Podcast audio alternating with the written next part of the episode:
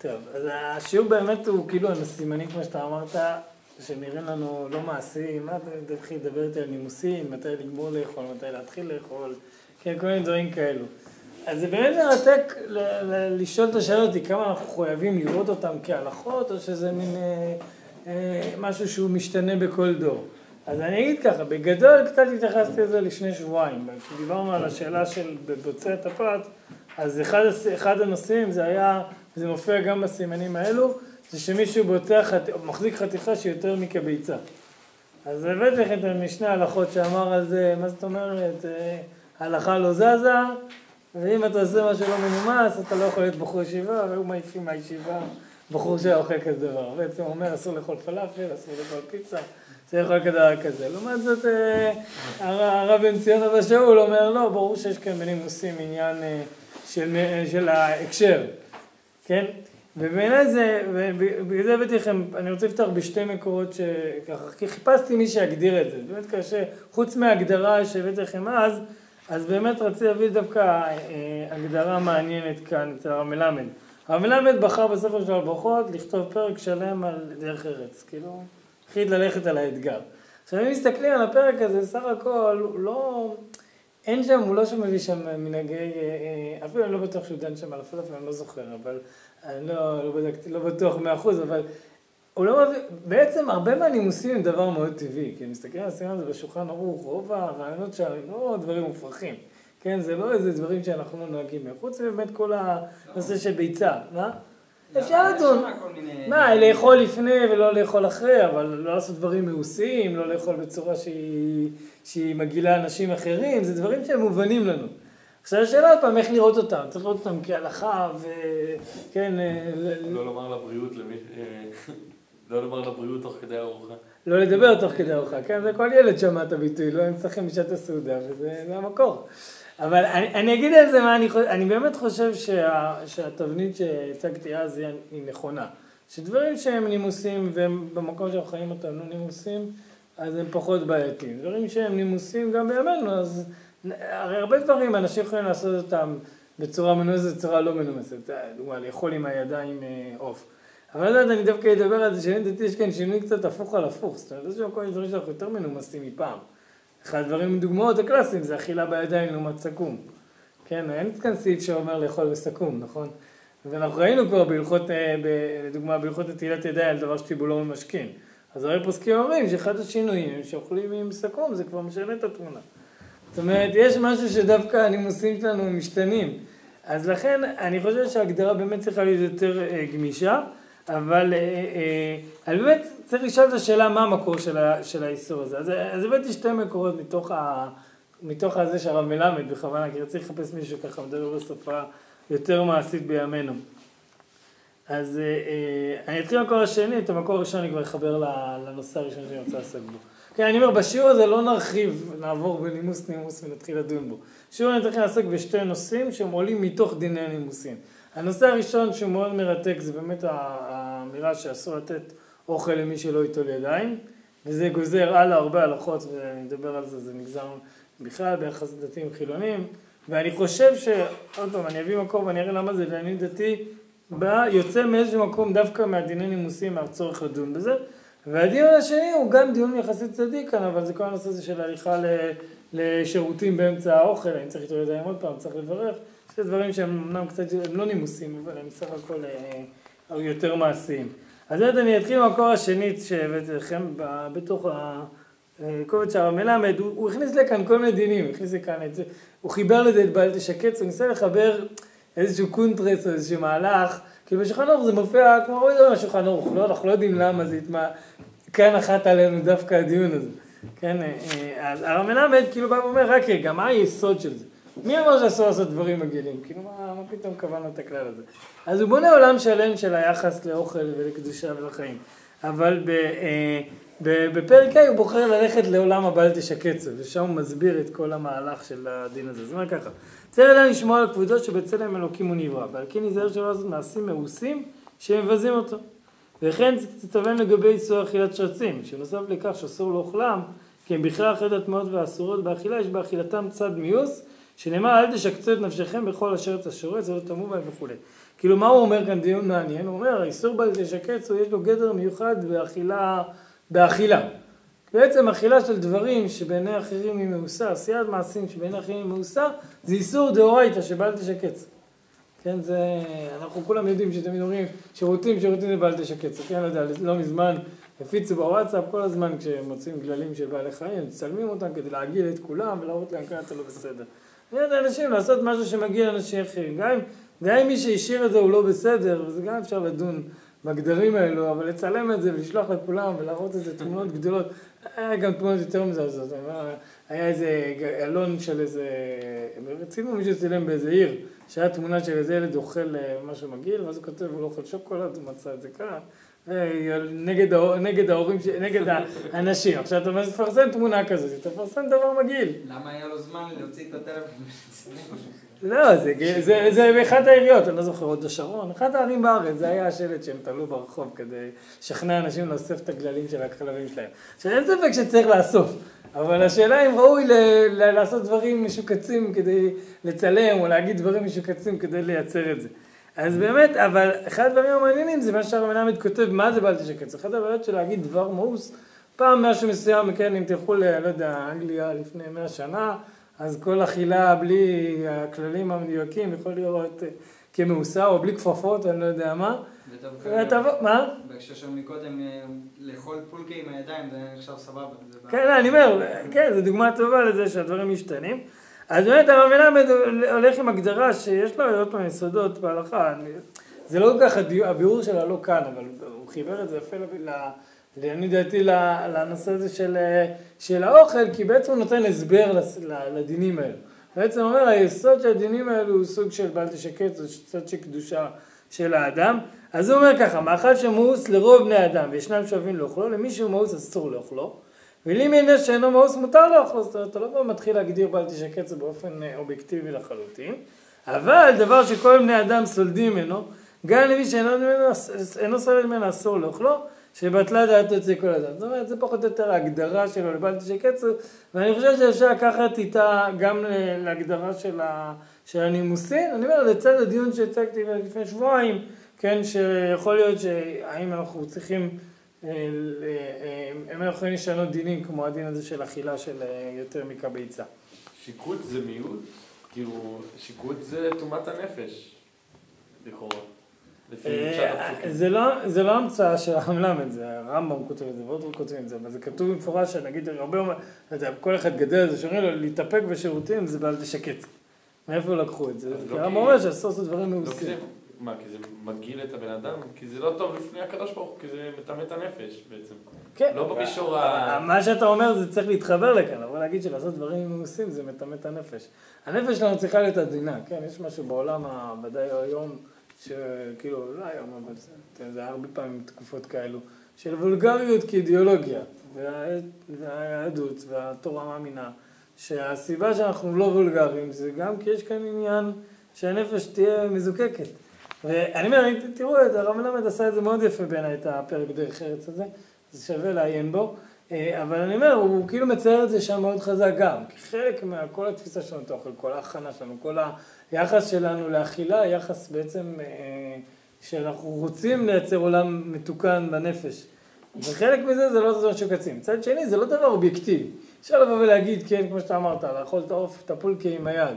אני אומר עוד פעם, פעם לא היו בכלל סכו"ם, כאילו לפני, כן, בזמן שחז"ל כתבו הרבה מההלכות האלו, לא אכלו עם סכו"ם, לפחות לא האנשים. אז אה, אני לא מספיק בקיא בהיסטוריה של הסכו"ם, אבל רואים את זה, כמו שאמרתי בדוגמה הזאת של, ה, של הדבר שטיבולו במשקה. אבל אה, אז ברור שזה דבר שהוא משתנה. מצד שני, ברור שאם אדם בז לתחושה הזאת בנפש של סלידה ושל גסות ושל... אה, ושל התנהגות לא, לא, לא מנומסת. אז הוא, הוא שוחק את הנפש ומגיע למצב שהוא גם אה, אה, אה, כאילו מסתכל על העולם בצורה מבוזה. אני רוצה ללכת עם זה באמת לדיון הזה שאמרתי על הנתינה לשעה שלה. אני רוצה להתחיל דווקא מהמקום של נימוסים בזה.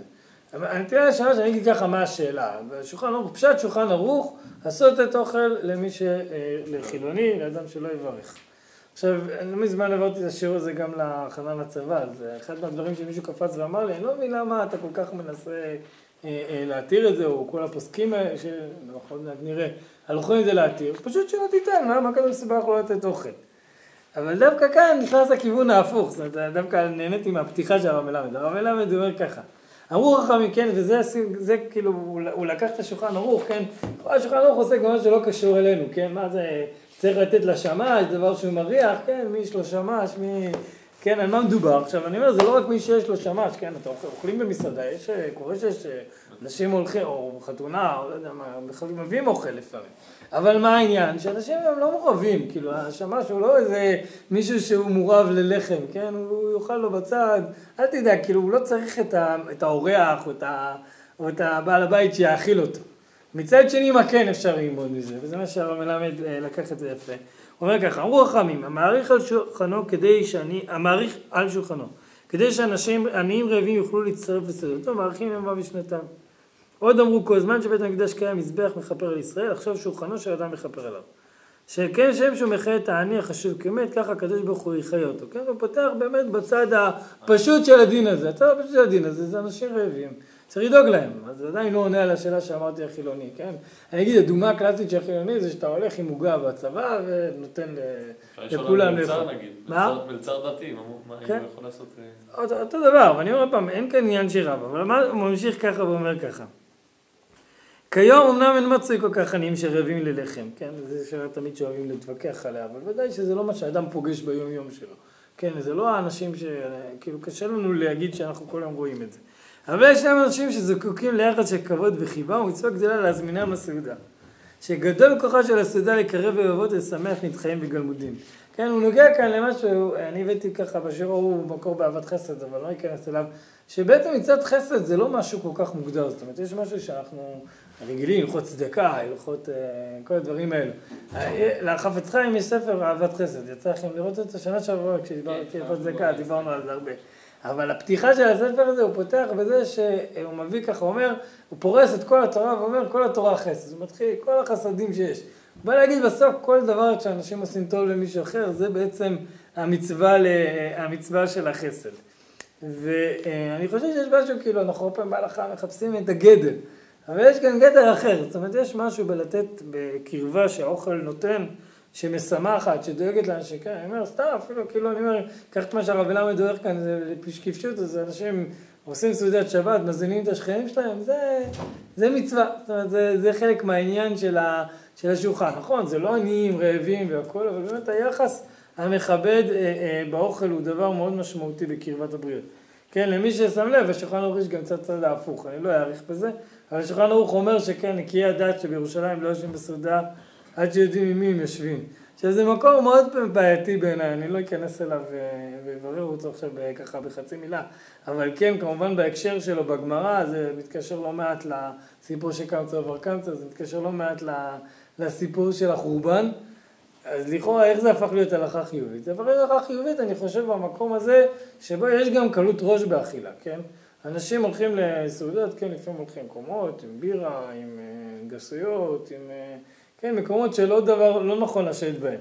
אז מי שראה כאן את הביאור ההלכה, את החפץ חיים, הוא מתחיל לדקדק, להגיד, לפעמים כשמזמינים את חכם למקום כזה, הוא צריך ללכת. למה? כי זה עצמו גורם לכך שזה, המקום מתעצם.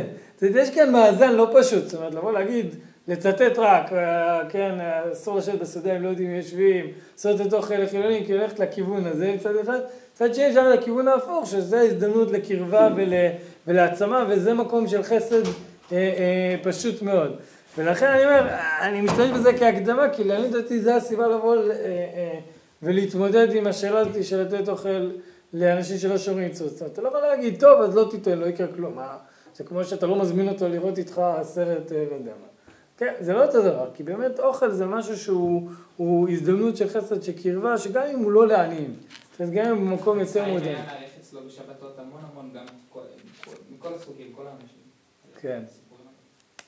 אני לא, זה אני לא יודע, אבל את האמת, אני לא מתפלא, זאת אומרת, כל, ה, כל מהות הפתיחה של הספר שלו זה לבוא ולהגיד שקרבת הדאגה, כן, חוץ מזה שבאמת רואים אצלו דאגה אנושית מאוד מאוד מדהימה.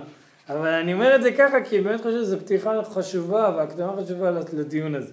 אז בואו נראה את המקורות עכשיו של האיסור לתת אוכל אה, אה, למי שלא יברך. אז השולחן ערוך, יש את זה בעצם בשתי מקומות. אחד אצלנו, וזה מקורות שם שהבאתי, אחרי זה אני בהמשך אחזור ואסתכל על שולחן ערוך אחרי שנראה את המקורות היסודיים. כתוב ככה, לא ייתן לאכול אלא למי שיודע שבו שיברך. ויש מקילין אם נותן לעני בתורת צדקה, כן? בית השולחן ערוך פוסק כאיסור, אסור לתת למי שהוא לא יברך, כאילו לכאורה גם מישהו עני, ככה עולה מדבריו, והרמ"א אומר שאם זה עני, אז אה, בגלל שזה אנחנו מקלים יותר. עכשיו, לכאורה, אה, אה, למה לאסור כזה דבר? אז הכל... הביטוי הקלאסי והמפורסם זה כן איסור לפני עיוור.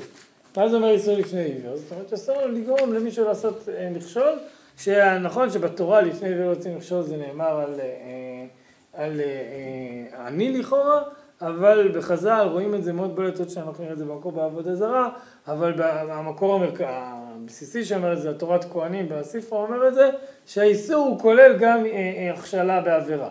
כן, לא רק בעבירה פיזית, לא רק בדבר פיזי, כמו שהיה נשמע בפשטי הפסוקים שם בפרשת קדושים, אלא באמת גם הכשלה בעולם הרוחני היא, היא אסורה, וזה מתרחב אפילו הרבה יותר מזה למישהו שגם אם הוא לא עני, אה, עיוור באמת, הוא עיוור בפועל.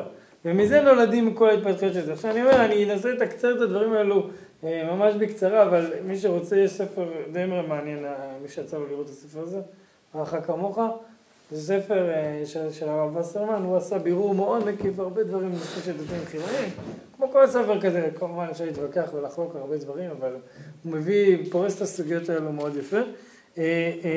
אז אני ככה, עד שזה לבנות את התשתית של זה, כדי לדון בעצם בהלכה שלפנינו.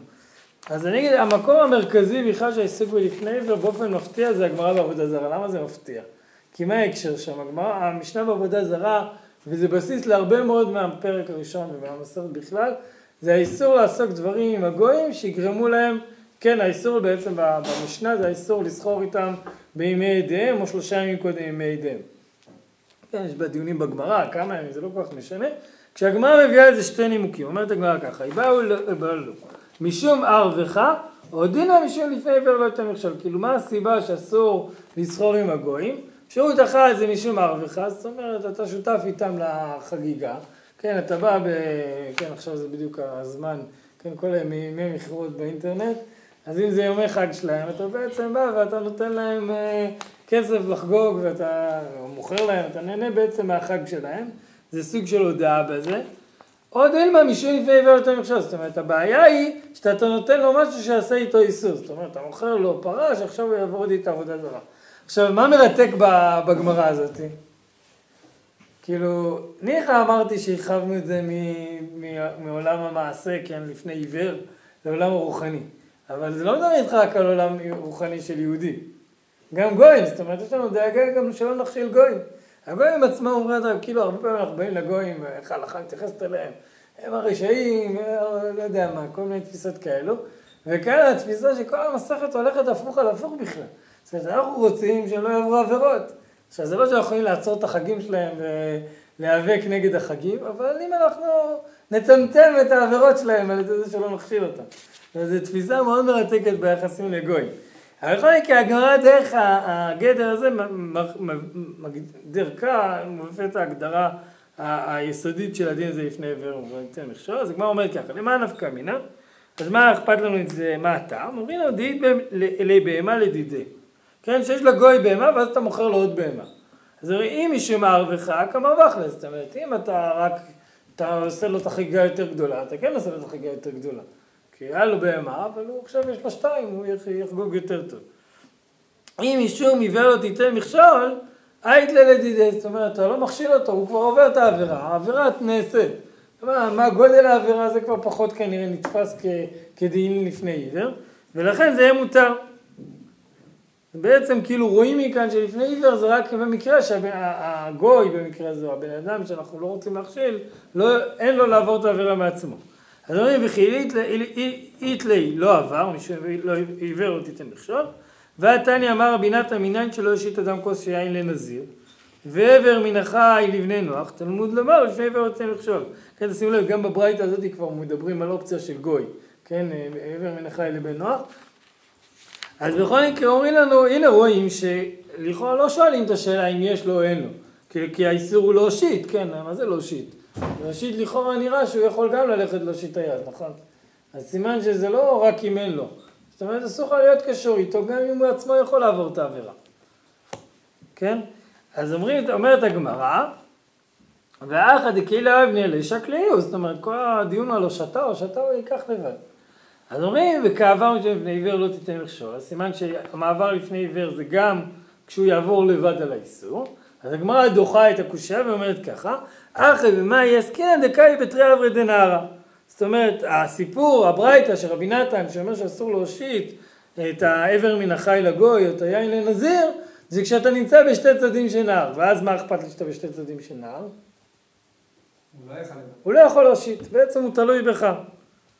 די כנא, מדקתני לא יושיט ולא קטני לא ייתן, שמע מינה, כן? כאילו זה לכאורה, הדיוק הלשוני, אני פחות מבין אותו בדיוק, אבל כאילו הכוונה היא ש... אה, אה, שהושטה זה משהו שהוא כנראה מעבר בין מעל משהו, משהו כזה.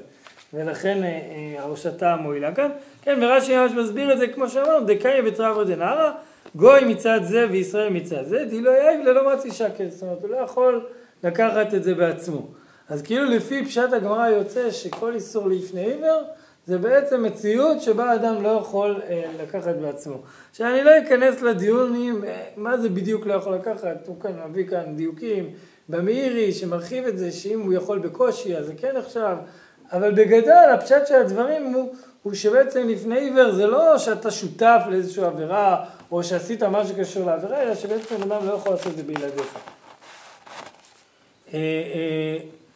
ואז בעצם יוצא שאם אדם היה יכול לעשות את זה בלעדיך, לדוגמה, יש עוד פרות למכור, או יש עוד אוכל כאן, סתם, בן אדם, כמו שאתה אמרת, נשאל כאן, מישהו כאן, על אה, מלצר, כן, אז הוא לא ייתן, אז הוא יכול להשיג את זה בדרך אחרת, אז לכאורה זה יהיה מותר, מותר לתת.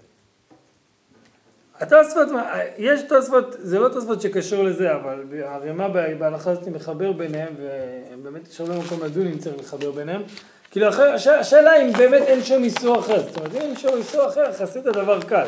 בעצם אפשר לבוא ולומר כל דבר שיכול לעשות בעצמו, אז אין בכלל מה לדון על דיני לפני עיוור. לדוגמה, אדם נמצא במקום ויש אוכל אחר והוא רוצה אוכל שלך, אז מותר לך לתת, כי הוא לא יכול לקחת אוכל.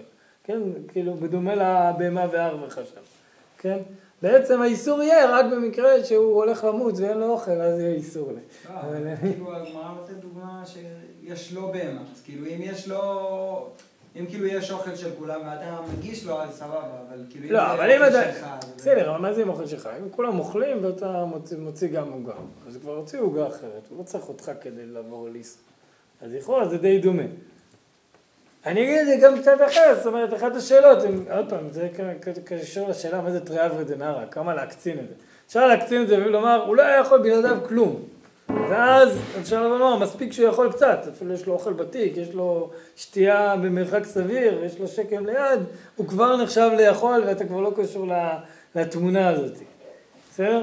ואפשרות אחרת לבוא ולהגיד, לא, זה הכוונה, כמו שאמרתי, שהוא מביא כאן את המאירי, שזה לא יכול, ב... אבל אם הוא יכול בקושי זה עדיין נחשב שהוא לא יכול, ואז זה קצת מרחיב. אבל אחד הדינים שהתרחבו מזה, לא, אני אגיד ככה, זה גם נפקא מינה לזה שוודאי נסתם דוגמה, מוכר במכולת. אם ניקח את ההלכה הזאת ונרחיב אותה, ונגיד שאסור לתת לכל מי שלא עלול לעשות איסור, אסור לדעת למכור במכולת, כל חילוני שנכנס למכולת, ויעבור איסור עם האוכל אולי. כן, זה, זה ירחיב מאוד את האיסור, לכן אני אומר, זה, זה כן גבול מאוד ברור. אני רוצה לדבר על הדין הספציפי הזה, כאילו מאיפה השולחן נלמד ולמה הוא בעיניי הוא גם לא כזה, מה זה בעיניי, הפוסקים דנו בזה, הוא לא כזה פשוט אה, שהוא באמת לפני עיוור, אבל אני אומר, הגדר הבסיסי של לפני עיוור זה שהוא לא יכול לעשות בלעדיך. אבל יש תוספות שמרחיב את זה קצת יותר. תוספות במסכת שבת דן, יש שם את כל התיאורים בתחילת המסכת על, אה, כן, העני שהוציא ובעל הבית, אז בעצם חלק מהמקרים, אז העני חייב ובעל הבית פטור. ויש אפילו מקרים, זה גמרא שככה מדייקת את זה, שבו הבעל הבית פטור, אה, פטור ומותר. זאת אומרת, אדם, אם העני הוציא, לקח מבעל הבית, הוציא והניח, הבעל הבית לא עשה כלום, רק החזיק את היד, אז הבעל הבית מותר. אז, אז התוספות מקשיר רק רגע, למה מותר? הרי בלעדיך אני לא יכול לעבור את האיסור, אז זה לפני עבר. כן, זה לכאורה תריעה ודננו במובן מסוים. אז אומר, אומר התוספות ככה, סליחה, אומר ויתם באקה עבר לפני עבר יותר מכשול, אפילו מה רשעה יכול לתלות, כן, אז אולי נתרץ, בסדר, אתה הרמת, אבל גם אם זה היה לרצפה אני היה יכול להעביר את זה, או אפילו היה יכול להיכנס לבית, כמו שאמרתי, השאלה מה, מה זה תריעה ודנר, אפשר להתגמש עם זה, ויחסית נראה שבאמת צריך להיות משהו חמור, או משהו שהוא באמת לא יכול להשיג. אז אומר התוספות, אפילו אם יכול להשיג, אפילו לא היה בידו דלא עבר משום לפני עבר דמושיט כוס לנזיר, כן, דקאי בתרי אברי דנערה, כמו שראינו עכשיו. מכל מקום איסור דה רבנן. מי העיקר? שחייב להפרישו מאיסור. כאן התוספות מוסיף חידוש גדול. בעצם אומר לנו, בעצם בתרי אברי דנערה זה הגדר של הדאורייתא. זה נאמר כשמתעסקים בגויים, במושיט עבר מן החי לבן נוח, במושיט יין נזיר. אבל יש גדר נוסף, גדר דה רבנן. מה הגדר דה רבנן? שחייבים להפריש מאיסור.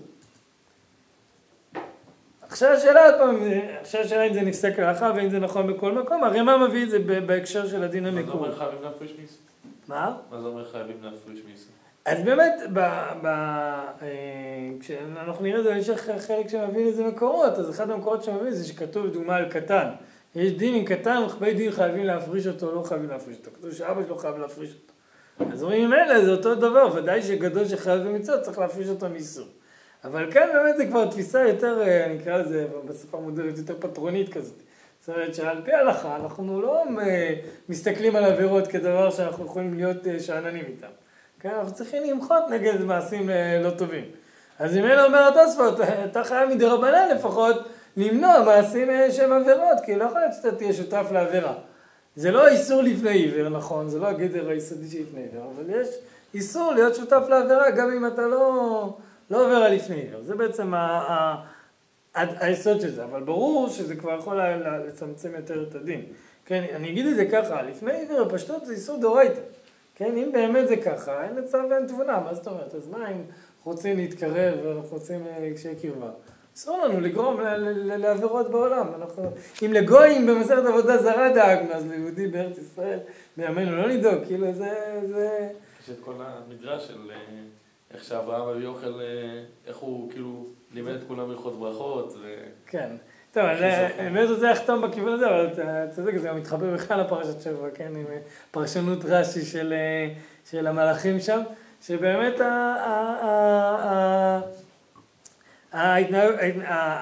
רואים ברש"י שכאילו, כאילו בעצם אברהם בא, אנחנו באים לבשר משהו לעולם, אז צריך לבוא ולקרב, אבל לתקן. אני חושב שמה שאתה אומר זה מתחבר למה שאומר כאן קצת אולי כבר תשובה למה ששאלתי. אז מה הגדר של החיוב להפריש במצוות? יכול להיות, לכאורה, אני אגיד, אני לדעתי, קודם נראה אם זה נפסק להלכה, אבל לכאורה באמת צריך להיות גדר שזה יצליח, כן? בן אדם, נהיה פטרונים ונגיד אנחנו מפרישים איסורים, אבל אנחנו לא מפרישים אף אחד, אז לא, לא, לא היה לנו כלום בתקנתנו. אם זה לפני עיוור וזה עבירה שלי, אז בסדר, כן? כמו שאמרתי, אסור לתת לגוי בהמה לחג שלו. הוא יחגוג את החג הזה גם בלעדיי, אבל אני, אנחנו צריכים אה, להשמיע ולמנוע את זה בעולם. אנחנו קוראים לו עיוור למרות הכול. אנחנו דואגים לו למרות שהוא לא מוכן לדאוג לעצמו. אבל זה מעשה אקטיבי, זה לא אותו דבר של הפרשת איסור, שזה כבר באמת יותר יכול להיות תלוי במציאות, במעשה. בכל מקרה, הרי מה מביא את להלכה בהקשר הזה של עבודה זרה, כי הלכות אה, יחסים עם גויים. זה אומר ככה, יש אומרים עד האסור למכור להם דברים שייכים לעבודתם, היינו דווקא אם אין להם אחרים כיוצא בו. או שלא יכול לקנות במקום אחר, כן? זה, זה הדין הבסיסי שאמרנו, שאם הוא לא יכול להשיג את זה. אבל אם יכולים לקנות במקום אחר, מותר למכור להם כל דבר, כן? ברגע שיכול להשיג את זה, אתה כבר לא עברת לפני עבר. ויש מחמירים, ונהגו להקל כסבר ראשונה, וכל בעל נפש יחמיר ארצה. זאת אומרת, הפסיקה של הרמ"א הפשטות היא שכדעת המקלים, זאת אומרת שאין, ברגע שיכול להשיג את זה הם כבר לפני עבר, אבל ראוי, ראוי, לא, ראוי לא, לא, לא להגיע למצב כזה שמשותפים לעבירה. כלומר, עוד פעם, כשאומרים ראוי, יכול להיות שבסיטואציות מסוימות אנחנו יהיה יותר קל להקל בזה. השח באמת מסביר את זה לגמרי על פי התוספות הזה. אומר ככה, השח, יש אומרים, כן, הדעה שאומרת לא לתת למרות שהגוי יכול לקנות במקום אחר, על הדחי יחידה אומרים בש"ס כבן נזיר, זה אסור להשית לו כעס עין, היינו דווקא בתקרי אברי נהרה הדין אחא, ויש מכריז סוברים זה מכל הכל איסור מדי רבנן איקה, כן? שזה התוספות. ואפילו לא אוהב כמות רב רדינר, וכל זה דעת הרב. אבל לפי דעתי, כן אומר הרש"ך, זה ההסבר למחלוקת שהציג הרמ"א. אבל לעניות דעתי, זה לא פליגי, זה כולם מודיעין המורדכי ותוספות בפרק כמה דעבודת כוכבים, דעבודת כוכבים, אמר שרי, כן, ואין בכלל, אין, אין, לא נכון ליישם את זה, את התוספות בשבת על הלכות עבודה זרה. בהלכות יחסים גויים מותר, לא צריך בכלל להיות בעל נפש. איפה זה נאמר?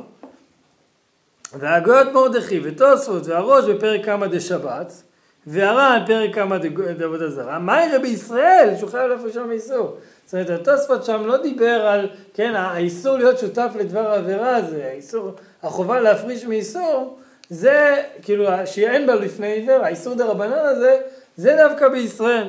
וכדי כתב הראש, שם דלא גרע מישראל קטן, כן, זה מה שהסברתי קודם. כן, שם, שכמו שבישראל קטן צריך להפריש אותו, כך גם גדול, אבל כאילו, זה לא גדר שנכון ליישם אותו על הגויים. כן, אה, שבית דין מצווים להפרישו, כל שכן ישראל גדול. מה שאין כאן בעבודת כוכבים, ישראל מומר שאינו חייב להפרישו. הוא אומר, ברגע שאין חובת הפרשה, אז אנחנו גם לא נכנסים לכל הדין הזה של הדרבנן של התוספות.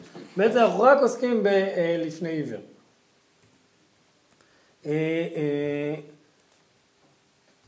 אני רוצה להביא דין נוסף שדנו בו הפוסקים שמאוד רלוונטי לזה, זה דין, זה מפורש במשנה, משנות במסכת שביעית מתארים מחלוקת בית הלל ובית שמאי האם מותר להשיל ולהביא דברים אה, לעם הארץ שהוא יעבור בהם איסור. לכאורה זה ממש זהה לדין שלנו של, אה, של, אה, של אכילה. למה זה זה? כי אני אגיד ככה, לתת יין לנזיר או עבר מן החי לבן נוח זה לתת את האיסור עצמו. המשנה במסכת שביעית עוסקת בזה שאתה נותן לו משהו שאתה יכול לעשות איתו איסור, אתה יכול לעשות איתו יותר, אבל אתה יודע למי אתה נותן, אתה יודע שזה עם הארץ, ולכן כשאתה נותן לו את זה אתה תניח שהוא יעבור אל איסור. ולכן זה מאוד דומה לאכילה בלי ברכה. כי כשאתה נותן לחילוני עוגה, הוא יכול לברך, ואני יכול להגיד לכם, באמת יצא לי פעם, לפעמים אתה גם מופתע, כן? אני זוכר שהייתי פעם, נסעתי פעם איזה נהג מוביל משאית, נסעתי את נסיעה ארוכה, נראה לי בחור רוסי כזה, בכלל לא ידעתי יהודי, לא יהודי.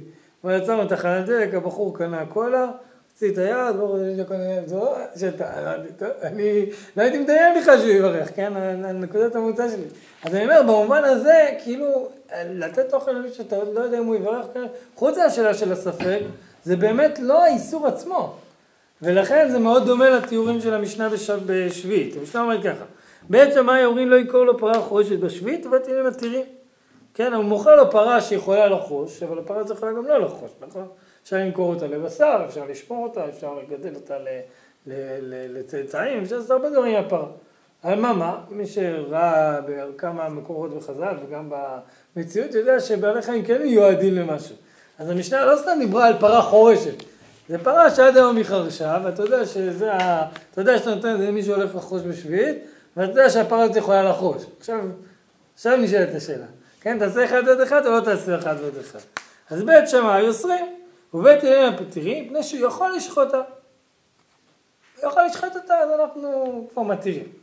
מוכר לו פירות אפילו בשעת הזרע, הוא משיל לו סרטיו על פי שהוא יודע שיש לו גורן, הוא פורט לו מות על פי שהוא יודע שיש לו פועלים, וכולם בפירוש אסורים. ואני אומר, אני לא אכנס לזה, אבל כל, כל הדינים האלו נאמרו מפני דרכי שלום. זאת אומרת שיש כאן שיקול נוסף, שהוא דרכי שלום. עכשיו, כל המקרים האלו, רואים שהם כבר לא לפני עיוור. למה לא לפני עיוור? בגלל שיכול להיות שהוא לא יעשה את המיסור. מבט נאיבי, כאילו. עכשיו השאלה עוד פעם מבט נאיבי. אם לפני עיוור זה לא מעניין, כאילו, הרי לפני עיוור תחזור לדין של תרי הנערה.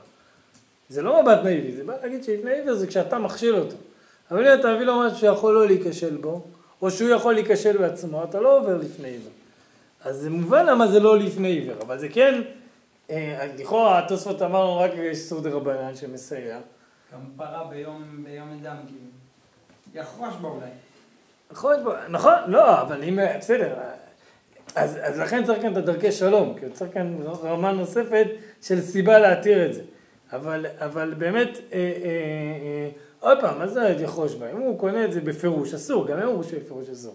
אם בא אליך בן אדם, הגוי, ואומר, אני מזמין אה, שתי קילו בשר, אתה לא יכול להגיד זה יחרוש בה, כן? גם אם אתה מביא לו את זה בפרה שלמה. כן, כי זה כבר מכרת לו בשר, לא מכרת לו פרה. בסדר? אם הוא ימכור לך פרה חורשת, ברור שמותר. אומרת, אומרת המשנה כאן בשביעית, משחק הדין כזה, זאת אומרת, בא אליך השכן העם הארץ, מבקש משהו, הוא לא אמר בפירוש מה זה, אתה יודע מה זה, אבל הוא לא אמר, אז בגלל שזה אה, פני דרכי שלום, אז התירו את זה. אה, אז באמת התוספות דן אה, בירושלמי מעניין, ירושלמי מרחיב עוד יותר. כן, הגמרא בגיטין מביאה את הדרכי שלום, אז בין היתר של דרכי שלום מופיע גם הדינים האלו של השאלה. אז התוספות אומרים ככה, בספר המפרש דקטני מתאים מפני דרכי שלום, וקשה לרבנו תם. ובפתיר פוקלה משום דעה ושערים, משום דאיקה למיתלה בתבואה של היתר. כדאי שכן במסכת שביעית. ואומר רבנו תם, דאפה בידוע שאין לה אלא פירות שביעית, לכך הילה משום דרכי שלום אב ואסור. ובמכר זה לא שהיה דרכי שלום אסור, איך הדלקה למיתלה. כן, בעצם אומר כאילו, הוא עושה חלוקות, אני לא אכנס עוד פעם לכל הניאסים, אתם מוזמנים לעיין, הוא עושה את כל הניתוחים כאן הרב וסרמן, כאילו שבין דברים שהם מכירה, לא שער דרכי שלום, ודברים שהם אה, אה, נתינה שער דרכי שלום, אבל בעצם רבנו תם עושה חלוקה בין דבר שהוא מסתבר לדבר לא מסתבר. כן, הוא אומר ככה, וכן מה שהיה בירושלמי, כאמר, אני אומר, כן, ירושלמי שואל, מה, מה התירוצים, כן, בן אדם רוצה נפה, כן, מה אתה רוצה שיעשה עם הנפה הזאת, חוץ מלנפות קמח? אז אומר ירושלמי, נפה לספור במאות, כן, למה הוא צריך נפה? לספור כסף. קברה, לקבר בו חול.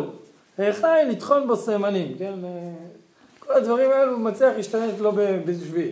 תנור לטמון בו נים בשי ביתיים, הוא לא הולך להפות את הלחם שלו, אלא הולך לה, להשתמש בקופסה הזאת ש, שיש בתנור. כן, התירוצים נראים מאוד מאוד דחוקים. אז אומר, והייד ירושלים לאו תלייה גמורה, כפרה לשחיטה. אם כן, בלא דרכי שלום נמיה ושרי. כן, בעצם התוספות עושה חלוקה כזאת, הוא אומר, כשאתה נותן משהו שהוא אפשר לעשות אותו יותר, ואפשר לעשות בו איסור בצורה מסתברת, זה מותר גם בלי דרכי שלום. זה מותר לכתחילה, זאת אומרת, לא על זה, לא עד לשם הגענו. כן, אתה נותן למישהו משהו, והוא יכול לעשות בזה דברים טובים ודברים רעים, עד כאן האחריות שלך. כן, אתה לא צריך להיכנס לרובד הפנימי.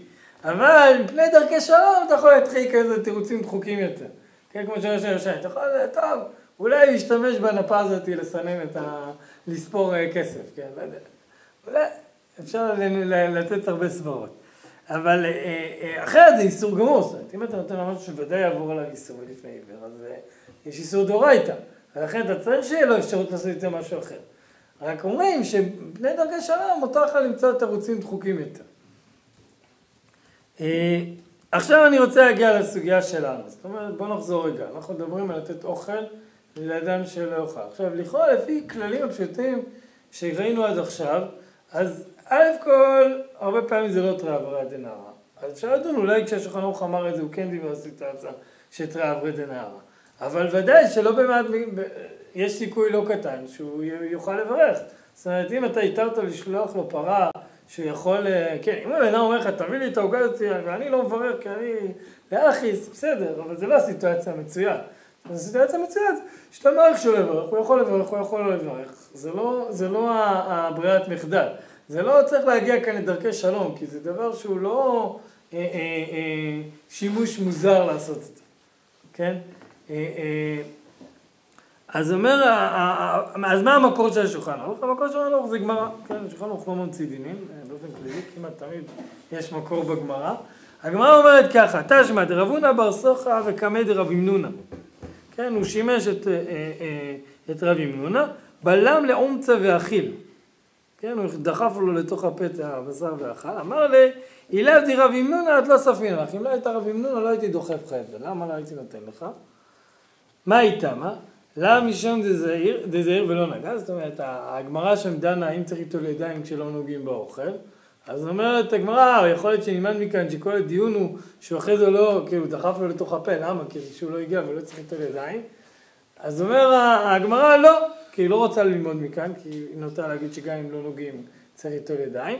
אז אומרים, דזריז קדים, ומה שידי מעיקר, זאת אומרת, רוצה להגיד, אבל אם לא, אנחנו מניחים שהוא נטל ידיים מראש. זה בדיוק מה שרצה להגיד לו, אני ידעתי שאתה הבנת שאתה הולך לשמש אותי, וידעת ששמש יקבל אוכל, אז חכם עיניו בראשו, והלכת איתו עדיין לפני האוכל. לא חיכית ל... כאילו, הבנת את הסיטואציה. ואז באמת אומרת הגמרא, תשמע, אמר רבי זעיר אמר לא ייתן אדם פרוסה לתוך פיו של שמש, אלא אם כן יודע בו שנטל ידיו.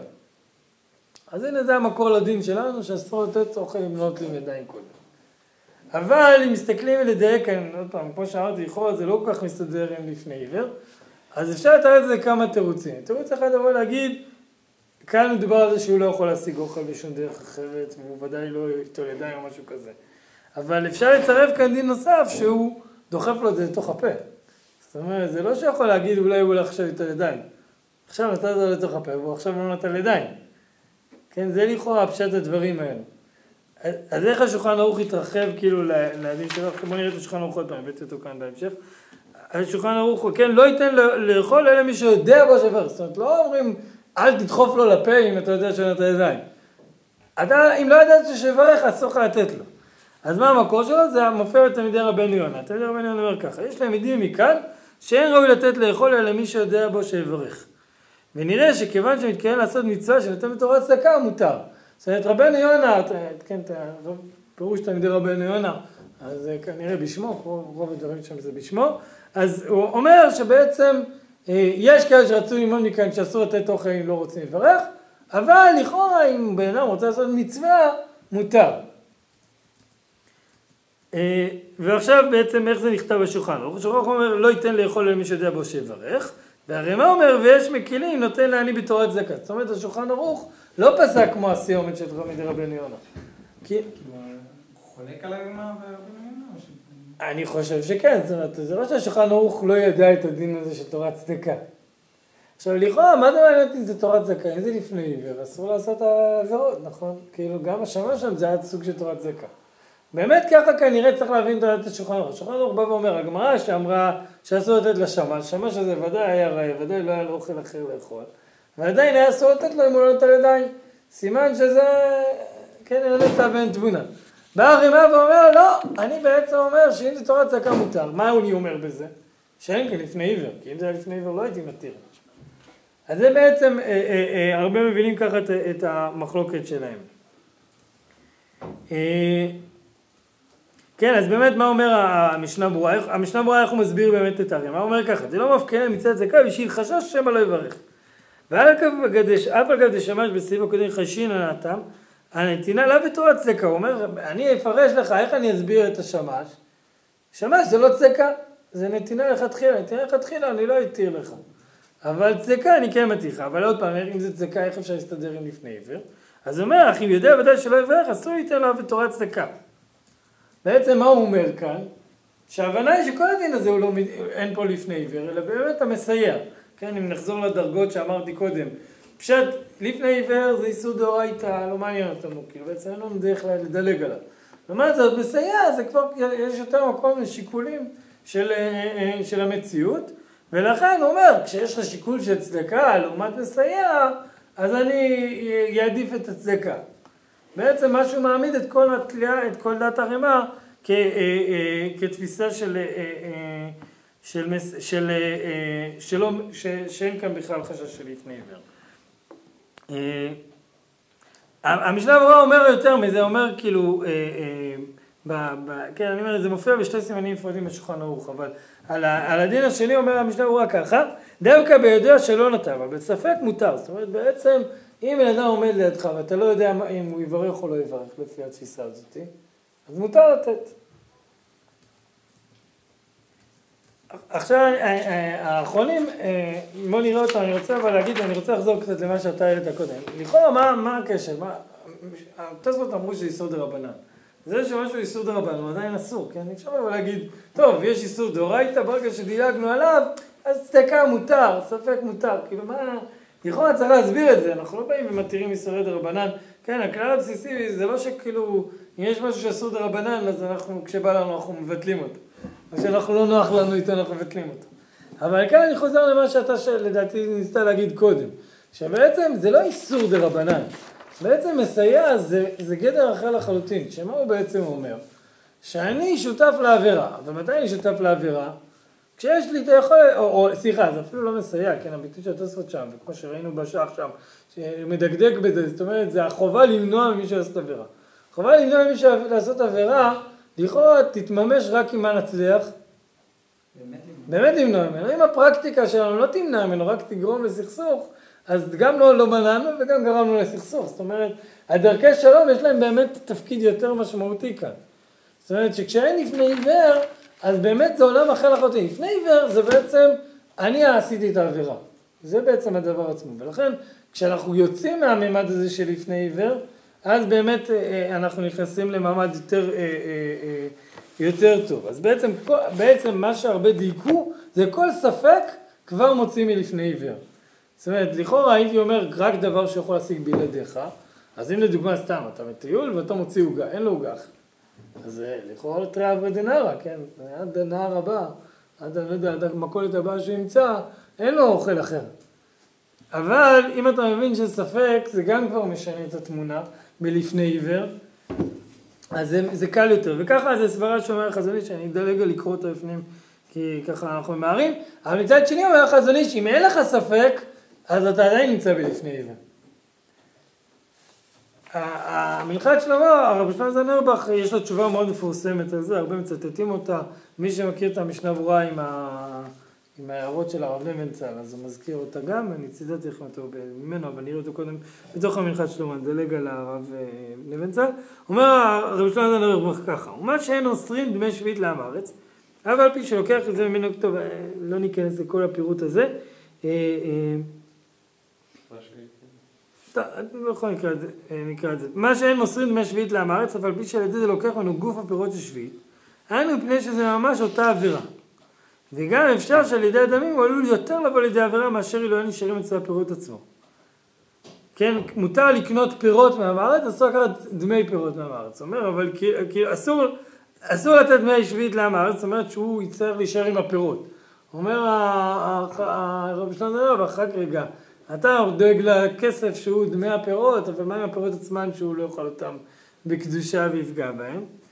אז הוא אומר, אה, אה, אולי באמת, תירוץ אחד אפשר לענות שעם דמי שביעית יותר קל לעשות עבירה, למה? כי בסוף אוכל אנשים אוכלים. אה, הם לא אמורים לעשות עם זה איסור. כן, נכון, יש גדרים שמחייבים איך לשמור על קדושת שביעית, אבל זה לא כזה קשה. לעומת זאת, דמי שביעית מאוד קשה לשמור על זה, כי זה דמי שביעית, מעבירים דמי שביעית, הוא יקנה איזה דברים שאסור, והוא יעבור על איסור. זה תירוץ אחד. הוא אומר, אבל, אבל, אבל אי אפשר ללמוד, אבל כאילו, ואז בעצם מה הוא אמר בזה? שאנחנו יותר חוששים, זאת אומרת, זה נעשה מתוך דאגה, זה לא אמירה, אנחנו, אה, אה, אה, זה איסור מוחלט, זה לפני עיוור, אלא זה, אנחנו מנסים לחשוב, ב, אנחנו עושים, מותר לנו כפוסקים לעשות שיקולים פרקטיים, מה יעשה יותר בעיה. כי זה עוד פעם, וזה באמת, אני אומר, הגדר של, של התוספות שם, הגדר של הדרבנן, הוא לא גדר של איסור, הוא גדר לבוא להגיד איך אנחנו נצמצם את האיסורים בעולם. ולכן ממילא אנחנו עושים חישוב ואומרים, עדיף לנו להשאיר לו את הפירות שיאכל אותם, גם אם יש חשש שהוא יאכל אותם בקדושה, שנשאיר את המעות, שזה, נביא לו מעות שזה יותר יהיה בעייתי. ואני אומר, מה כן בנידון דידן, כן, בתשובה שלנו, שזה האיסור, לתת אוכל לאדם שלא שומר את זה, הרי זה דומה למי שקוטע אצבעו מרגלו של חברו כדי להציל אותו אה, אה, מכך מקצת כל היד שלו. זה פשוט, זה אינו קרוי מזיק אלא מתקן, הוא מצעק עביד ולא עבירה. כן, אומר בעצם, הוא לוקח כאן משל מציאותי כזה, אומר, כשאדם אה, עושה עבירה קלה כדי לעשות עבירה חמורה, אבל הוא לא משתמש בעבירה קלה ועבירה חמורה, כי זה ניואנסים שייכים בעבירות. אבל אם אנחנו מבינים שזה לא איסור, אלא בעצם רצון שלנו למנוע מבן אדם לעבור עבירה, אז זה לא שייך כאן. כך גם כאן, אני לא חשוב כמכשיר, אלא אדרבה. במעשה זה הוא מציל אותו מעוון חמור של שנאת תורה ולומדיה. ולכן נראה את זה לפי הצורך שפיר רשאי לכבד אותו במאכל משתה. וצריך לעשות כאן אף על פי שזה בקום עשה. כן, הוא בא ואומר, אני מבין, כאילו הוא אומר, במתווה הזה של, של הרצון למנוע ממישהו לעבור עבירה, השיקול המציאותי גובר, זאת אומרת, אנחנו בסוף רוצים לעשות משהו יותר טוב. אם נכבד אנשים באוכל, בזכות זה הם יאהבו אנשי תורה ויהיו יותר הגונים, זה יותר טוב. כן, כל מי שראה חב"דניקים, כן, הולכים וחלקים סופגניות לכולם, אוכל לכולם. למה הם עושים את זה? לכאורה נגד השולחן ערוך. אז התשובה היא באמת זה, זאת אומרת, אם אתה מתקרב לאנשים, זה רווח גדול יותר. וכאן כשאנחנו מדברים על איסור שהוא לא לפני עיוור, לפחות לפי ההבנה הזאת. עוד פעם, אני חושב שהרבה תולים את הלפני, זה לא לפני עיוור בגלל שזה לא ספק, בגלל שיש איזשהו ספק. כן, האגרות משה יש לו גם תשובה מאוד מעניינת בזה, אה, אני לא אספיק לקרוא אותה, אבל אני אומר, בגדול יש לו אמירה מעניינת שהוא אומר, הנימוסין כאן הם גם משקל הדיון, זה חוזר לסימן שלנו. כאילו כל הסימן שלנו עסק בהלכות של נימוסין. באגרות משה אומר, כאילו אם אתה לא מנומס זה גם בעיה חמורה. זאת אומרת, בא אליך בן אדם ואתה לא מציע לו לשתות כוס קפה, אתה לא בסדר. זאת אומרת, אתה אדם לא מנומס, כן, בא אליך אינסטלטור, תקן לך את הזה ואתה משלח אותו הביתה בלי לשתות כוס קפה. אתה אדם לא מנומס, וזה דבר חמור. מה? מזכיר לי לתת אה, שתייה לפועלים ברמדאן. יש פה לפני עיוור? אה, טוב, זו שאלה אחרת. אם, אה, אם, אתה מחויב לעבירות שלהם. תראה, אתה יכול לדון אצלהם, מתי הם מתירים, אתה. איפה רשום את כל הנימוסים שזה גם עניין חמור? תסתכל במקור כ', אני אקרא את זה רק המודגש. ולא רק שנוגע ממש לפרנסה, אלא אף מצד הנימוסי הנוגעים בשותפים סוחרי מדינה. כן, הוא אומר, אומר את הרעיון הזה, אתה יכול לקרוא את התשובה, זו תשובה מאוד מעניינת. אני אסכם במה שהפני ההלכה אומר, ואני חושב שאני רואה את זה גם מתממש הרבה. הוא אומר, הפתרון הכי טוב, כדי, לכאורה הקושי הגדול על, על, על האגרות משה ועל ראש שלמה זנובך, שזה שתי גדולי עולם, כן, לא צריך, אה, לא צריך הרבה סיוע כדי לסמוך עליהם, לה- להקטיר, אבל באמת אחת השאלות אם אין שום ספק, אז זה, לפני עיוור. אז אחד הפתרונות זה לבוא להגיד, תציע להם. עכשיו, הרבה אנשים כשמציעים להם לברך, הם מברכים. אני אגיד את זה ככה, אני אישית, כשאני עוד פעם הולך במילואים, אני תמיד מביא עוגה, וזה תקרב, וזה חשוב. אבל תמיד אני אומר, כן, ברכתו מזונות, כאילו אומר את המילה הזאת. עכשיו יש אנשים שבאמת מיד מוצאים זה כי יד, עושים כיפה ומברכים, או אחד מכולם אומר וכולם עונים אמן, זה דבר מאוד מצוי. זה שהרב מלמד כותב כאן, הרבה אנשים, עכשיו זה נכון שלא כולם ככה, לפעמים אתה מכיר את הבן אדם, אתה יודע, הוא אנטי דתי, הוא בחיים לא יברך. אז הרב מלמד אומר שאפשר גם לברר בקול ואולי הוא יענה אמן ולסמוך על זה. ואפשרות אחרת זה להסתייע, אני אגיד את זה ככה, לא אכנס לזה, זה אה, הרב וסרמן שמביא עוד דעות כאלה, שבעצם אה, לא שייך בכלל לדבר לפני עיוור כשזה לא קורה מיידית. כי האיסור זה רק כשהבן אדם הולך, כאילו לדחוף לו לפה כמו בגמרא שלו. אבל אם לא, אז זה לא לפני עיוור, ואז אנחנו גם בכל מקרה נמצאים שוב פעם במסייע. שוב פעם, אין עניין לעשות מסייע. כן, ברור שצריך למנוע את זה. לא לפה או להביא לו עבר מן החי, כאילו. כן, שזה דבר שהוא חייב לעשות אותו באיסור.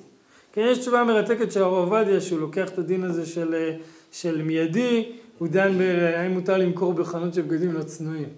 אז הוא עושה שם קינטות כאלה, אומר, אם יש דרך לפעול שזה בכל זאת צנוע, אז יהיה מותר. ובגלל הפרנסה, הוא כאילו הולך עם זה לכיוון הזה. מה? הוא לא משתמש בקטע של אה, שהוא יכל למצוא את זה במקום אחר? אה, לא, אבל אז זה עדיין מסייע, זאת אומרת, עדיין אתה כאילו, ככה הוא פותר את המסייע. נשים מחפשות בגדים, כאילו. כן, למרות שאני אומר, מצד שני גם צריך לדעת שלפעמים נשים דתיות הולכות למקומות כאלה, באמת הולכים בשתי שכבות, זה לא שזה דבר לא מצוי בכלל, אבל אה, אני אומר, זו תשובה, אה, הוא- גם כאילו, הרב עובדיה בעיקר מסתובב סביב הפרנסה, כדי להגיד לו, אם זה לא איסור אז אני אתיר לך את זה, בגלל באמת שהבן אדם יאבד את הפרנסה, אם לא, אבל הוא אומר, אם תצליח למצוא פרנסה אחרת, ברור שזה מעשה, שזה ראוי. טוב, אני אומר, עד כאן באמת, אני, ככה אני סוגר את הדין הזה. אני רוצה לגעת ממש בקצרה לנושא של, אה, של שירותים באמצע ארוחה. לכאורה זה לא קשור לנימוסים. כן, אני אגיד ככה, מה שאני מרגיש מאוד חזק בסיפור הזה של נתינה, זה אמנם מופיע כאן בשולחן ערוך כחצי סעיף כאן, אבל זה מאוד, זה מאוד מתקשר לי כל הסימן הזה. למה? כי באמת, השאלה למה לתת לבן אדם אוכל, זה כי נימוסים זה לא דבר, זה לא קטלקניה באגמה, כן? לא סתם אנחנו שמנו את זה בהלכה כאן. ואני אומר עוד פעם, גם עמידת החסד והקרבה הזאתי, זה דבר מאוד חשוב שצריך מאוד לא לזלזל בו. ולכן זה לא שאני יכול לבוא להגיד, טוב, מה, כמו שאתה לא נותן לו אה, איסו, אז אל תיתן לו את זה. זה לא אותו דבר, כי אנחנו בעצם רוצים להגיד, להגיד לאנשים לא להיות יכולים לאכול ביחד, זה דבר מאוד חמור. כן, אנחנו רואים את זה בכיוון ההפוך, כן, באיסורים להתקרב לגויים, אז רואים שהאיסורים הם כדי שלא ישבו איתם ביחד בסעודה. כן, אז דווקא אצלנו, אם אנחנו רוצים לקרב, אנחנו רוצים להגיע למצב, כן, כמו שכותב כאן ראשון זמן אורבך של אהבת תורה, או של אהבה אחת הדדית של עם ישראל, אז ודאי שיש כאן הרבה שיקולים לכולם. אה, אני אומר עוד פעם, לא צריך כאן אה, להסתייע בדעות של איזה, זה לא תשובה מזרוחניקית, כן, זה, גדולי עולם אמרו את זה, ואני חושב שבאמת, אם תופסים את התוספות בכיוון הזה, זאת אומרת, האיסור דה רבנן, בכיוון הזה שהמטרה היא למנוע, ואם אתה לא מונע, אז אין בכלל משמעות לזה שאתה לא מסייע, אז, אז באמת יותר מובן לקרוא את כל, ה, את כל הכיוון הזה. עכשיו אני אומר, כאילו זה אה, לא קשור לחלוטין, אבל זה גם מופיע בסימן שלנו, וזה משהו מאוד מעשי, זה באמת השאלה של מה קורה אם אנשים אה, יוצאים לשירותים באמצע האוכל. האם צריכים ללכת ליטול ידיים עוד פעם או לא. אז השולחן ערוך, אני, אני אדלג עליו, כי הוא מתעסק במשהו אחר בעצם. הוא עוסק בשאלה של אדם שהולך לשירותים, והוא הולך לשתות, אז לכאורה זה בכלל לא צריך ליטול ידיים עכשיו, כן? ברור שכל הדיון האם צריך ליטול ידיים עוד פעם זה אם אדם בא לאכול לחם, אדם הלך לשירותים וחוזר והוא לא הולך לאכול לחם, אז אין דין נטילת ידיים. אבל בדנים שם, מה קורה לאדם הולך לשתות, אז אומרים שהוא צריך ללחוץ בפניהם, וזה יותר ענייני נימוסין שקשור לזה שאנשים יהיו בטוחים שהוא ניקה את הידיים שלו. כן, אז זה פחות ענייננו. אבל מתוך הדברים האלו רואים אה, אה, אה, שאם הוא הלך לאכול לחם, אה,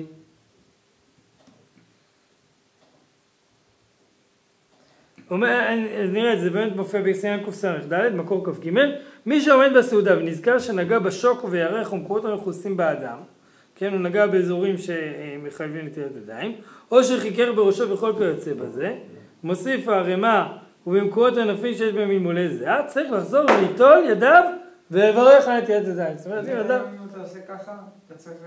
אז, באמת, אחת השאלות זה מה, זה הדבר, כאילו, אני אגיד ככה, ברור שפעם היה הרבה יותר מצוי כינים, לא שהיום בין צערנו יש, אבל זה היה יותר מצוי, ולכן יש כאלה שבאמת אומרים שזה תלוי מה רגיל.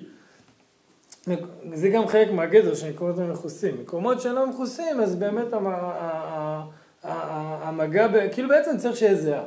כן, אדם נוגע סתם בשיער, אז יכול להיות מכל זהה, אפשר לשפשף ידיים, אבל כאילו אני אומר, ברמה העקרונית, אה, אה, אה, זה, יש סברות כאן לכולם, אבל אני אומר שאני רוצה לדייק כאן זה ששולחן ערוך רוצה ליטול ידיים ולברך. כאילו בעצם ברור שיהיה אותו דין בשירותים, כך אומר המשנה ברורה במפורש כאן. כן, כן, תסתכלו מקור כ"ה, ברורה סעיף קטן י"ב, צריך לחזור וליטול לכל שכן גם במקומות הנתינים ממש, הוא עשה צרכיו, או אפילו יותר מרגליים שפשי בידו כדי כאן סימן ק"ע. כשאדם הלך לשירותים באמצע האוכל, אחרי שעת הידיים, הוא צריך ליטול ידיים עוד פעם ולברך, ככה פשט השולחן ערוך. אה, זה באמצע ארוך. כן. אז אומר, מי שחלק על השולחן ערוך וכולם הביאו אותו זה המהרש"ל. אז הבאתי לכם את המהרש"ל לפנים, המהרש"ל אומר ככה, מה המקור של השולחן ערוך? ככה, הוא נמצא בתשובת הרשב"א. מי שעומד בסעודה ונזכר שנגע במקום נתונה, ודאי צריך נטילה ולברך באמצע הסעודה כתחילתה. והוא דן בזה מה המקומות, זה פחות מעניין אותנו, ואז אומר ככה, ונראה דבריו להצריך נטילה, הוא אומר, צודק הרשב"א שהגיוני שצריך ליטול ידיים. אבל לברך לא מצינו בדברי החיים שתקנו נטילת ידיים על זה. זאת אומרת, דין נטילת ידיים, יש לו תקנה, אנחנו רואים שבשאדם הולך שירותים אין דין נטילת ידיים. אני, זה, זה, אני פותח סוגריים שיש בזה מחלוקת ראשונים, אבל הוא פוסק שמי שאומר שאין, כמו ששולחן ערוך פוסק.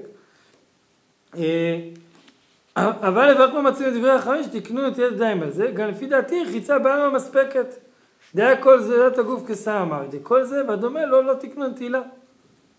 אה, ועליה אני רכב בברכה ולא מצינו שתקנו חיים ברכה באמצע הסדה כי אם הלך והפליץ. זאת אומרת, רק אם היה הפסק, יש דין נטילת ידיים, אבל אם אדם לא היה לו הפסק, אז אין דין נטילת ידיים. אז לפי המהרש"ל בעצם גם אדם שהולך לשירותים באמצע, באמצע הסעודה, לא צריך לברך. הוא צריך ליטול ידיים, אבל לא צריך לברך. המשנה המורה מביא את זה, והוא כאילו מכריע הכרעת ביניים כזאת, הוא אומר ככה, ורש"ל, כן, המהרש"ל, מקור סעיף קטן י"ג, בתוך מקור כ"ה, ורש"ל חולק, וסביר על ידיהם צריך לברך מחמת נגיעתו באמצע סעודה בזיעה. אפילו הוא עושה צרכיו באמצע סעודתו. גם סביר על ידיהם צריך לברך, אלא אם כן הלך והפליג באמצע סעודתו. והנה יש הרבה דעות באחרונים, יש לנהוג למעשה כמותו, ואין בביאור הלכה שהכנו ועשה צרכיו. או שנגע במקום מטונף ממש, שהלך והפליג, צריך נטילת ידיים ברכה. אבל אם נגע במקומות המכוסה סתם, או שהשתין, או ששפך, או ששפשף, ואף ששפשף, צריך נטילת ידיים כדין, אבל לא עבר. זאת אומרת, אם אדם מנגב, אבל זה לא ניגוב של צרכים של, של גדולים בעצם, זה מה שעושה המשנה ברורה, מחלק בין צרכים לבין נטילת הטלת מרגליים, אז במקרה כזה רק, רק בצרכים ממש ייטול ידיו. זה פשרת ביניים כזאת, לכאורה הייתי אומר שיש כאן מחלוקת, מה? בכל מקרה ייטול ידיים. לא, בכל מקרה כולם מסכימים ייטול ידיים. השאלה אם צריך ליטול ידיים עם ברכה לא. עכשיו אני אגיד ככה, ליטול ידיים זה אינסטינקט די טבעי, כי אנשים יוצאים משירותים, אז הם ככה רוחצים ידיים, רק צריך לדעת להקפיד במקרה כזה, ליטול כדיני נטילה. זה? מה? לא, זה מדיני, עוד פעם, כן אומרים ליטול ידיים מדין, לפי המהרש"ל לכאורה זה מדיני רחיצה, ולא מדיני נטילת ידיים. ואז זה לכאורה באמת נמצא בעולם של השיקוץ ובעולם של הנימוסים. אבל, אבל הרשב"א, כמו שראינו, הבין, והשולחן ערוך פוסק כמוהו, בעצם יש כאן מחלוקת קבועה.